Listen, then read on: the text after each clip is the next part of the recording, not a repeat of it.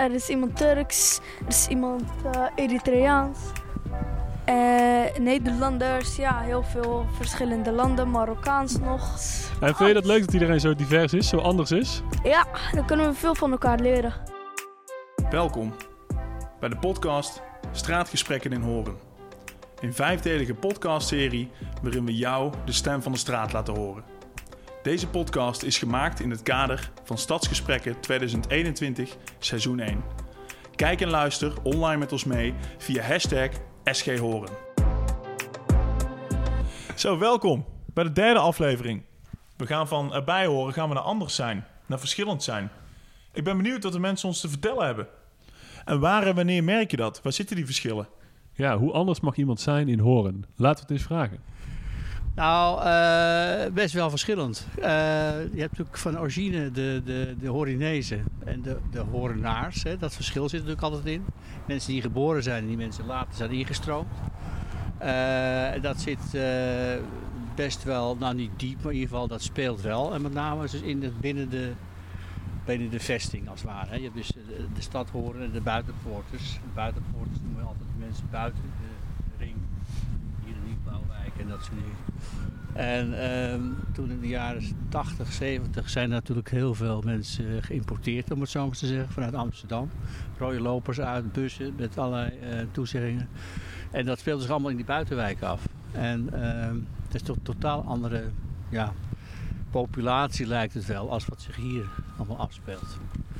Uh, daarnaast heeft het natuurlijk wat, uh, wat uh, gemeenschap in de vorm van de Vietnamese club, om het zo maar te zeggen, een Chinese club uh, allochtone verhaal in de zin van Marokkanen en Turken die zich toch ook wat concentreren. Horinezen, Horenaren, buitenpoorters, Amsterdammers, Vietnamezen, Chinezen, Marokkanen, Turken. We gaan nog even verder vragen hoe mensen nog meer verschillend zijn in Horen. Uh, ik vind dat Horen en vooral de stichting Netwerk heel veel doet om de nieuwkomers in Horen te laten integreren. En uh, mijn zus die tipte mij twee jaar, drie jaar geleden van... er komt een bijeenkomst in Turf van allemaal een aantal klassen van Violet, de taalschool, de inburgeringscursus. Um, en we zoeken gewoon Horinezen die het leuk vinden om een avondje met nieuwkomers te babbelen en muziek te maken en noem maar op. Dat hebben we gedaan. En dat was een, uh, nou ik denk wel 200 mensen waren het. 100 nieuwkomers, 100 Horinezen. En het fantastische is dat ik daar een, een, eigenlijk een zoon aan overgehouden heb. Dat was, uh, we hebben allemaal activiteiten gedaan die middag. En na afloop was de vraag van... Uh, als het nou met iemand klikte, wissel dan je e-mailadresses uit. En wie weet kan je een keer samen een kopje koffie drinken. En toen kwam er uh, een alleenstaande Syriër van 30 naar me toe. En die wilde graag mijn adres. En ik kreeg zijn adres. En toen zei ik, oh, dat is in de Kersenboog, vlakbij mijn moestuin. Want ik heb daar een moestuin. Ik zeg, misschien vind je het leuk van de zomer om eens te komen helpen, water geven. Nou, en daar is een fantastische vriendschap uit voortgekomen. En dat heeft zich ook enorm uitgebreid. Want ja, mijn zus is mee gaan doen. Die zei, ik wil ook. En dus we hebben ook weer vrienden van die Syriërs. Um, jij geeft taalles aan een van de Syrische vrouwen. En we hebben er gewoon een, nou ja, we hebben het al zo vaak gezegd, wat de verrijking van ons leven is dat ene krantenberichtje. Want als je dan ziet wat het gevolg daarvan is. Uh, dat is waanzinnig. Dus ik... En dat is eigenlijk, als, als ik jullie zo ook wel de kracht van de diversiteit dan? Ja, absoluut. Zodra het persoonlijk wordt, uh, hou je op met ze en, en hun en, en, en ja. jullie. Nee, want het blijken gewoon mensen zoals jij en ik te zijn. En dat weet ik altijd al, dat weet ik al heel lang. Maar het bleef altijd toch een klein beetje op afstand. Ja. Nou, verbaas je ook uh, over elkaar. En uh, de verhalen die je dan, als het allemaal wat vertrouwder wordt, te horen krijgt over bijvoorbeeld de oorlog in Syrië en de bombardementen en de vluchten en de drama's van onderweg. En uh, hij zat in een rubberboot s'nachts de oversteek naar Griekenland. Toen kwam er een maffiaboot langs van de meeste smokkelaars met bivakmutsen. Die staken die boot gewoon lek, zodat de 40 mensen in pikdonker s'nachts in die zee dreven. Het is een godswonder dat ze het allemaal overleefd hebben. Dus je hoort zoveel dingen waardoor je je eigen situatie enorm gaat relativeren. En het, en het verschillend zijn van elkaar, Ja. dat is juist wat die relatie dan zo sterk Ja. maakt. Ja, absoluut. Moeten we hier nog iets aan toevoegen? Dit zijn echt stadsgesprekken, hè? Dit zijn inderdaad stadsgesprekken met prachtige voorbeelden. De mensen in Horen zijn heel verschillend. Ja. Je hebt de echte Horinezen, daar behoor ik niet toe. En je hebt de import en dan voornamelijk de grote overloop vanuit Amsterdam. En eh, nou ja, alles wat daartussen nog zo hier komt. En dan heb je natuurlijk gewoon in de toeristenseizoenen nog heel veel meer anders. Eh, maar over het algemeen is het heel prettige mensen. Ja. En waar en, en precies wanneer komt u dan achter dat die mensen zo verschillend zijn? Nou, op dit moment is coronatijd, maar ik ben een behoorlijke terraszitter. En eh, er is een groot verschil tussen het terras op de, grote rode, op de, op de Rode Steen en bijvoorbeeld bij, de, bij, de, bij het café daar, eh, hoe heet het nou toch ook alweer, waar het oude café in de haven gemaakt is, zou ik maar zeggen. Dat is een, een behoorlijk verschil in terras. In terras eh, ja. Je kunt de stad dus in wijken bekijken. In hoeverre verschillen de wijken van elkaar. Maar deze man bekijkt ze als terrassen. Wat natuurlijk ook een heel interessant perspectief is. Ziet u verschillen in Horen tussen de mensen, tussen de groepen of wijken? Nee, ik ben, ik ben zelf Rotterdammer, dus ik heb eigenlijk altijd in een grote stad gewoond, daarna in Den Haag. En wat mij opvalt in Horen is dat het hier wel een, een behoorlijke bubbel is van eh, witte mensen eigenlijk. Ziet u ook een duidelijk verschil tussen het centrum en de wijken die rondom Horen liggen? Absoluut. Als je op de scholen kijkt, natuurlijk in de Kersenboog bijvoorbeeld, heb je echt wel kleurrijke diversiteit. Maar als je in de binnenstad kijkt, vind ik inderdaad dat je opvallend minder kleurrijke mensen ziet. En wat dat betreft zou het, zou het misschien mooi zijn, goed zijn voor Horen om eigenlijk die twee verschillende, eh, ja, eigenlijk die grens eigenlijk te doorbreken van, van, de, van de binnenstad en de wijken daarbuiten en die mensen wat meer met elkaar te mengen. Absoluut, ja. Want het is niet zozeer dat er een onwelwillendheid is, denk ik, van, eh, van de mensen zelf. Maar dit, het mengt niet, inderdaad, als je het nu zo zegt. Eh, wat ik bijvoorbeeld wel zie is dat bijvoorbeeld de groentewinkels in het centrum eh, wel bijvoorbeeld dat Diversiteit. diversiteit zien in mensen die, die daar intrekken en die eigenlijk eh, een, een winkeltje hebben hier in het Ja. centrum. Nou, inderdaad, de, de, Turkse eh, supermarkt of zo, dat is inderdaad waar je dat dan wel ziet ontstaan. Ehm, maar ik vind het dan nog steeds heel minimaal, weet je. Want dan, ook daar komen dan weer heel veel blanke mensen op af, wat heel mooi is. Maar dan is nog steeds in mijn beleving de vraag, ja, hoe, in hoeverre mengt het dan? Want dan hebben we een Turkse winkel waar dan de witte mensen op afkomen. Meer mengen dus. Ja, ja. En dat is leuk. We leren van elkaar. En het is dus niet dat het niet dat horen of hoor, hoor- de horene, hoor, hoor, niet openstaan, maar het is er. Het biedt zich niet aan. Dat is het eigenlijk. Ja, toen de microfoon uitstond gaf deze man nog aan... we zouden misschien een, een zomercarnaval moeten organiseren... of een culturele markt om deze, deze, deze mengelmoes aan te wakkeren. Ja, maar ik ben dus geen Horinees. Ik ben ook import. U vindt het ook import? Ik ben ook import. Ik ben 1980 komen wonen hier. En ik woon nog steeds eh, hier in Hoorn. De eerste jaar vond ik het heel eh, moeilijk. Heb ik zitten huilen. Want ik woon in Amsterdam. En in Amsterdam had je alles. En hier had je 0,0, niks. En daar moest ik echt overheen. En, maar nu wil ik niet anders meer. Het heeft wel 1, 2 jaar geduurd. U voelde zich even anders. Ja, natuurlijk. Ja, je komt in een eh, gehucht, zeg maar. Toen was het in 1980, was er nog niet veel. Dit was net klaar. Dit. Ik ben nog gauw in de winkel een praatje maken of op straat, weet je wel. Dat is mijn aard gewoon, weet je wel. Dus, eh, en zo bouw ik iets op. Ik had gisteren nog een lief meisje bij me, een lieve Surina, nee, een eh, Poolse vriendin. Gisteren, ze is 49 en die vrouw die werkt, heeft een baan, auto, heel mooi huis, alles. Maar ze heeft geen vriend. En dan komt ze bij mij, ja, het is niet goed en een beetje huilen, huilen. En ik word straks 50, zegt ze. Ik zeg, schat, weet je, dat troost ik er, weet je wel. Ik beschouw het als mijn dochter, hè. ik ben dus 76, ik beschouw het als mijn dochter, beschouw ik er en weet ze ook.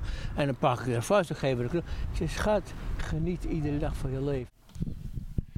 Ja, deze man vertelt dat hij eerst zelf aan het huilen was... omdat hij zich anders voelde. Vervolgens troost, troost hij eigenlijk mensen die zich anders voelen. Dat is natuurlijk een hele mooie boodschap. Hij geeft hetgene door waar hij mee is geholpen. Kunt u eens noemen wat, wat u zelf heel erg typeert als, een, als iets anders? Waarin u, waarin u anders bent dan misschien wel de mensen in uw wijk? Ja, ik ben wat meer eh meegaande, empathische, sociale, van waar de, mijn deel in de wijkraad. Ik eh, werk vanuit Stichting Net, het een culturele instelling hier in Hoorn. En heb ik dus, werk dus in een buurthuis met mensen met dementie. En probeer daar dus activiteiten aan te bieden. Dus ja, je, je bent gewoon met z'n allen bezig. En de ene doet wel iets meer als, als, als de andere. Zijn er ook plekken waar ehm, dus verschillende mensen elkaar kunnen ontmoeten? Ja, in de wijkcentra hebben ze een ochtend voor de allochtonen. Er is een Marokkaans café. Nou, hoe eh, leuk is dat? Dat uh, dan die mannen weer even, even bij elkaar komen. Dus dat hebben ze dan dus wel hier. Stichting Netwerk Horen, dat hebben we vaker gehoord deze podcast. Namelijk in het tweede fragment, waar uh, de man uit Syrië zijn e-mailadres achterlaat aan de vrouw die op die netwerkbijeenkomst aanwezig is. Daar zit een mooie dubbeling in, de, in dit verhaal. Ja, inderdaad, Wouter. En het is dus mooi dat een stichting zoals Stichting Netwerk Horen dus een positieve impact kan hebben voor hele verschillende soorten mensen. Wat moet iemand doen om anders te zijn? Uh, uitblinken niet. Dan okay. kijk ik wel anders naar. Als je talent en bijvoorbeeld passie ergens wil laten zien en dat ook. De, la, ja, als, als ik dat te merken krijg en denk van oké, okay, deze jongen is anders dan de rest. Ja. Dan, uh, ja, dan vind ik je misschien nog wel anders. Oké. Okay. Bijvoorbeeld gewoon puur op kleur of op uh, afkomst, dan nee. Ja, deze jongen interpreteert het, het verschillend zijn, het anders zijn heel anders. Het kunnen dus verschillende vormen zijn. De ene zou dat uh, irritant vinden en de ander vindt dat heel normaal.